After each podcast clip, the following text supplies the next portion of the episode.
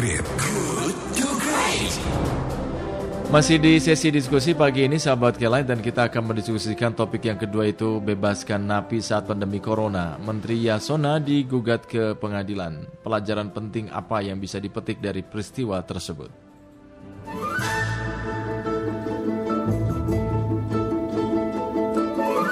Kebijakan asimilasi narapidana yang dilakukan Menkumham Yasona Lawli kini digugat secara perdata ke Pengadilan Negeri Surakarta, Jawa Tengah. Penggugat berasal dari Yayasan Mega Bintang Indonesia, Perkumpulan Masyarakat Anti Ketidakadilan Independen, Lembaga Pengawasan dan Pengawalan Penegakan Hukum Indonesia. Selaku tergugat ialah Kepala Rutan Surakarta, Kepala Kanwil Kemenkumham Jateng dan Menkumham. Nah, Ketua Yayasan Mega Bintang Indonesia 1997, Boyamin Saiman mengatakan gugatan dilakukan terkait kontroversi kebijakan pelepasan napi program asimilasi oleh Menkumham, di mana para napi yang sudah dilepas sebagian melakukan kejahatan lagi dan menimbulkan keresahan saat pandemi corona. Dia mengatakan untuk mengembalikan rasa aman, maka pihaknya mengugat Menkumham Yasona agar menarik kembali napi asimilasi dan dilakukan seleksi serta psikotes secara ketat bila hendak melakukan kebijakan tersebut. Lantas dari kajian hukum, patutkah kebijakan pembebasan napi digugat ke pengadilan? Lalu pelajaran berharga apa yang bisa kita petik dari kebijakan pembebasan napi di tengah pandemi corona oleh Menkumham? Guna menjawab pertanyaan-pertanyaan tadi, kita akan berdiskusi dengan Asmi Syahputra, pengamat hukum Universitas Bung Karno yang juga ketua Asosiasi Ilmuwan Praktisi Hukum Indonesia atau ALPA.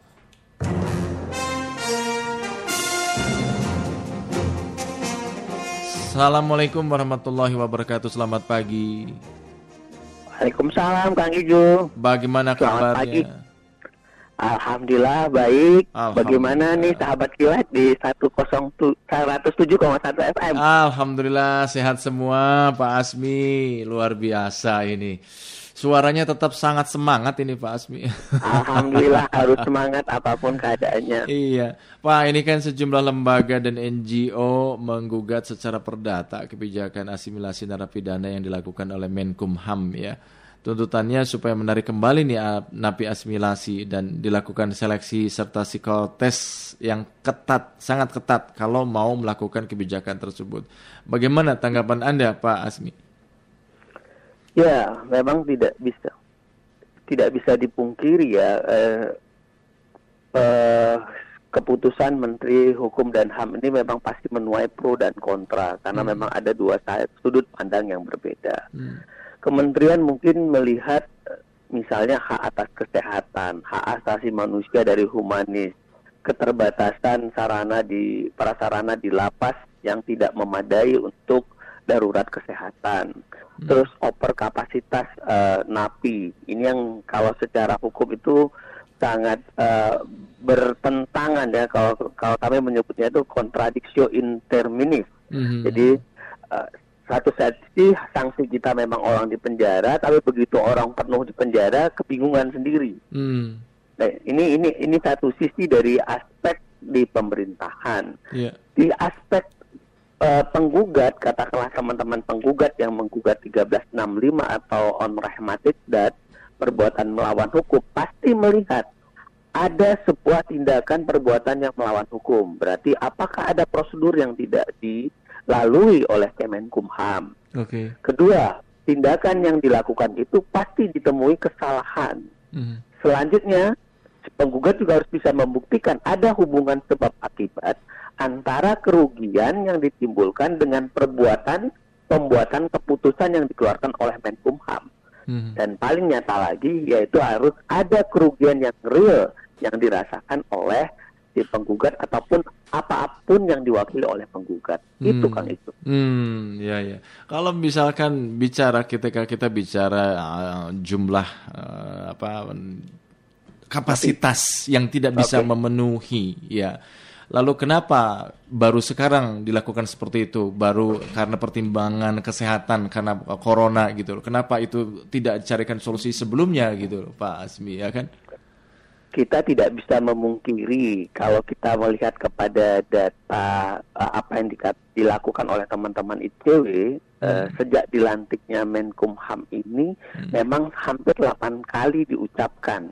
Kalau kita baca Tempo 9 April 2020. Yeah. Jadi Pak um, menurut catatan mereka ada uh, udah pengen revisi-revisi terus hmm. untuk untuk ada keinginan yang jauh gitu. Hmm. Cuman ada momen yang ya katakanlah hari ini ini kita menghadapi harus kita akui virus corona ini orang tidak tahu yang kadang tanpa gejala, tanpa hmm. sebab tiba-tiba orang bisa terpapar saja dan akhirnya ya itu tadi meninggal. Yeah. Uh, uh, ini yang mungkin juga dipikirkan. Uh, ini sekali lagi kita mencoba objektif ya, gitu loh. Yeah, yeah, yeah. Karena kita tidak tahu nih ada orang yang tidak apa-apa biasa aja sehat dan segala macam.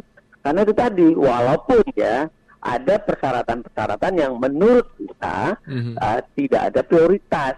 Misal mm-hmm. kalau ada darurat, ini kita harus bilang ya kepada Pak Menteri kalau boleh ya, apa ya bersambung pendapat. Yeah. Seharusnya tidak boleh ada kunjungan uh, keluarga dulu. Mm-hmm. Misalnya yeah. memisahkan napi yang mm-hmm. sakit atau yang kira-kira umurnya rentan, mm-hmm. gitu kan? Mm-hmm. Atau yang dikeluarkan ya yang sudah tahap pengajuan PB. Mm-hmm Uh, terus uh, harus ada kan litmasnya juga gitu lah penelitian yeah. masyarakatnya ini orang ini secara ini psikologisnya udah bisa nggak kan kita tuh tahu ya di dalam tuh yang diedukasi uh, teman-teman sipir itu ngeliat ini orangnya memang reseh ini orangnya hmm. belum bisa dilepas hmm. ini begini ini begini karakteristik hmm. karena dari sekian puluh ribu itu katakanlah 38 ribu itu sampai terakhir kemarin kepolisian juga masih meriliskan 40 uh, apa ya uh, mantan teman-teman yang dari binaan permasyarakatan ini hmm. yang ngulah kan. Iya, iya. Hmm. Artinya gitu. ketika kita bicara ini kan timbang menimbang baik buruknya yeah. ya kan kalau karena faktor kemanusiaan karena corona kesehatan lalu ketika ini asimilasi ini diterapkan dijalankan eh ternyata masih ada yang berulah kemudian juga kalau tetap tidak dilakukan asimilasi ini pertimbangannya kesehatan kemanusiaan Padahal kan ada juga misalkan di Nusa Kambangan gitu ya, konon katanya masih ada uh, apa yang secara kapasitas bisa menampung. Kenapa itu tidak dilakukan pemisahan ke sana untuk sementara misalkan gitu ya Pak ya? Mungkin banyak ini memang harus perlu sudut pandang yang jauh. Mm-hmm.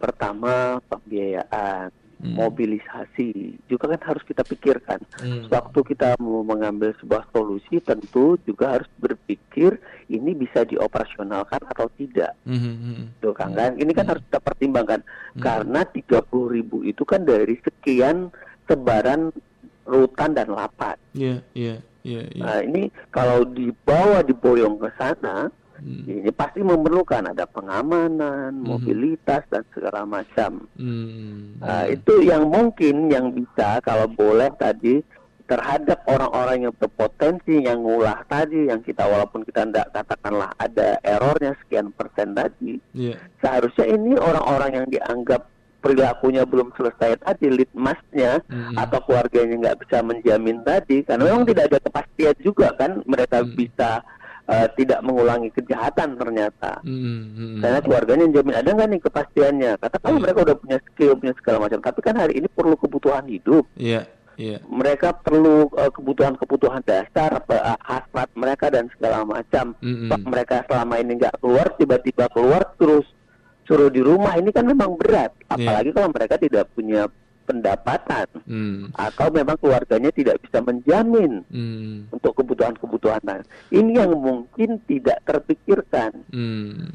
kalau harusnya yang tadi nih yang secara psikologisnya yeah. atau litmasnya yang tidak selesai hmm. tidak bisa ini ditempatkan khusus lagi hmm. yeah, yeah. ini yang tidak dilakukan mungkin yang hmm. semestinya ada prosedur Ya, sekali lagi teman-teman yang menguji di Pengadilan Negeri Surakarta akan melihat hmm. mekanisme ini.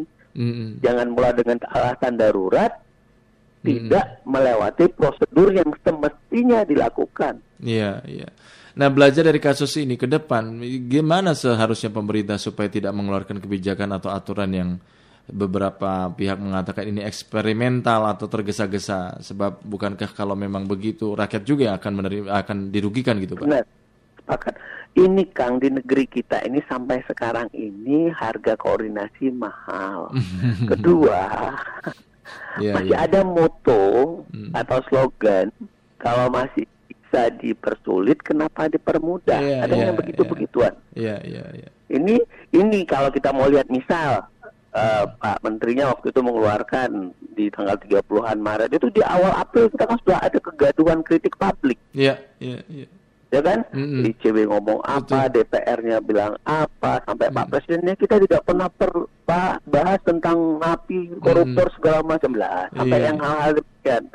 Ada napi narkotika, ada narkotika korupsi. Waktu itu terjadi kritik tua, eh, Mm. kritik publik. Mm. Andai saja tidak ada kritik publik seperti yang kita bahas sekarang ini, Mm. mungkin ya adem-adem aja, Kang. Iya, iya, iya. Nah, ini yang menunjukkan bahwa pola solutifnya tidak sistematis, tidak Hmm. bisa tuntas, tidak teroperasional. Hmm. Seharusnya kan tadi bisa nih, ini gimana nih yang nggak kerja-kerja? Mm-mm. Katanya kan ada dulu ada kartu prakerja segala Iya. macam. Ya, itu kan sebenarnya ini bisa menjadi ya itu tadi menjadi Hmm. stimultan penyelesaiannya secara konkret tapi koordinasinya yang mahal Iya, betul, betul. antara menteri beda, nanti Hmm. ada status, ada Pak Presiden, aduh, ada jubir. Sepertinya kita dibuat tidak jelas ya sekarang ini ya, informasi dan keputusan kebijakannya gitu ya Pak ya. Ya, karena koordinasi yang mahal, birokrasinya yang ribet. Kita Hmm. inginnya reformasi birokrasi, tapi antar departemen masih ada ego sektoral. Mhm, ya, ya, Yang ya. ini yang nggak selesai. Makanya bang bangsa itu dalam pembukaan selalu bilang atas berkat rahmat Allah didorong keinginan yang luhur. Mhm. Kalau keinginannya luhur ini asik kan. Betul, betul. Nah, tapi kan ada merubah tantangan menjadi tentengan, Mm-mm. ya kan? Merubah Iya. PR jadi RP. Jadi, Ah, ini kan iya. jadi repot. baik, baik. Ini yang kadang yang kita dihadapkan pada orang-orang yang tidak luhur untuk bangsa, ah, iya, iya. tapi ada sesuatu Mhm, ada sesuatu di merubah balik air mata jadi mata air. Pak Asmi terima kasih asik berbincang Ya. dengan Anda. Semoga kita nanti bisa bincang-bincang lagi dengan tema yang berbeda. Selamat Terima pagi, kasih, sukses untuk Anda Pak Asmi. Sama-sama, salam buat sahabat kilat Iya. semuanya. Sehat Yes. semua, sukses Sama-sama. semuanya. Mudah-mudahan ini segera berlalu. Amin. Ya. Terima kasih Pak. Amin, Asmi. amin, Ya. amin, amin. Demikian sahabat kilat Pak Asmi Syahputra, pengamat hukum Universitas Bung Karno yang juga Ketua Asosiasi Ilmuwan Praktisi Hukum Indonesia atau ALPA.